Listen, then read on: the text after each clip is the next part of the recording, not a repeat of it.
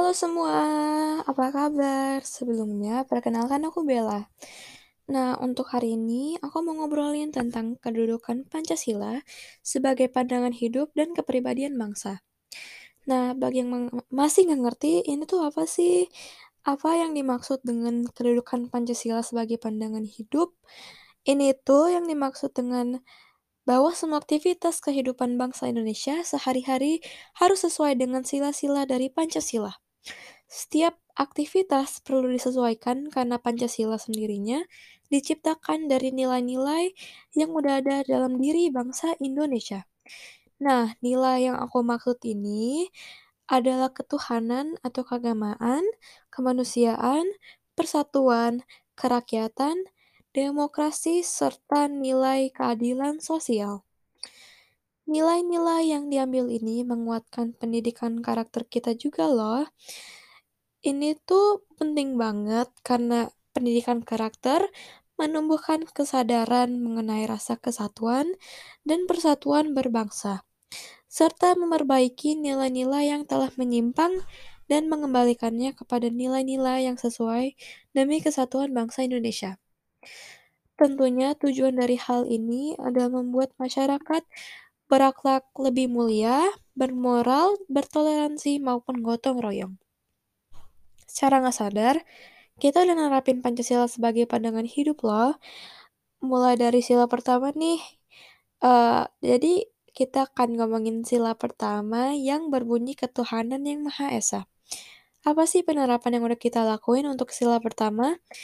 yaitu percaya terhadap Tuhan Yang Maha Esa sesuai kepercayaan masing-masing, mempunyai sikap toleransi antar umat beragama lain, saling menghormati sama antar pemeluk agama dan penganut kepercayaan, menyayangi binatang, atau bisa juga dibilang menjaga lingkungan dari menjaga tumbuhan, kebersihan, hewan-hewan, dan lain-lain, mendukung seseorang merayakan hari besar keagamannya.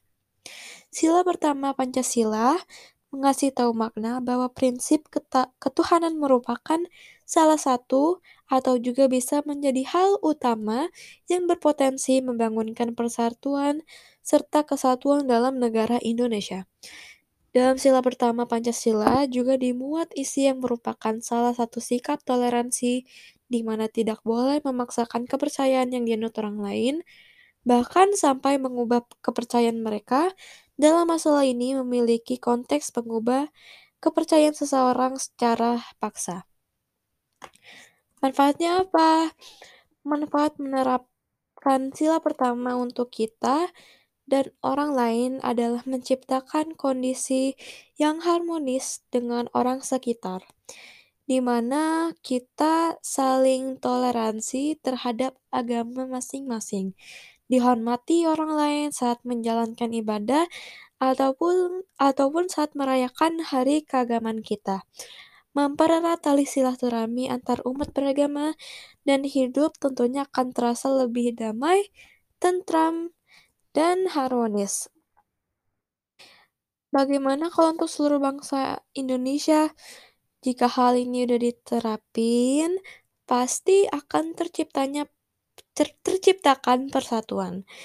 Dengan menghormati kepercayaan orang lain, menghormati um, agama yang orang lain miliki, dan bertoleransi, hal itu akan mempererat rasa persatuan bagi masyarakat Indonesia. Jika kita ingin dihormati orang lain, maka kita harus menghormati ya. Sepenting itu, kita harus menerapi semua kedudukan eh semua nilai-nilai kedudukan Pancasila sebagai pandangan hidup.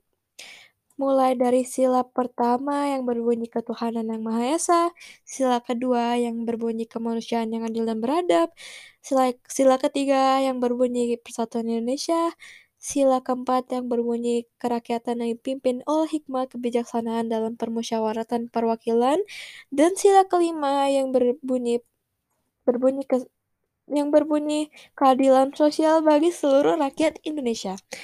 Maka dari itu, mulai dari sekarang, kita harus terus menanam nilai-nilai nilai-nilai Pancasila dalam tubuh kita dan mempertahankannya. Cukup segitu aja dari aku, semoga bermanfaat bagi kita semua ya. Terima kasih.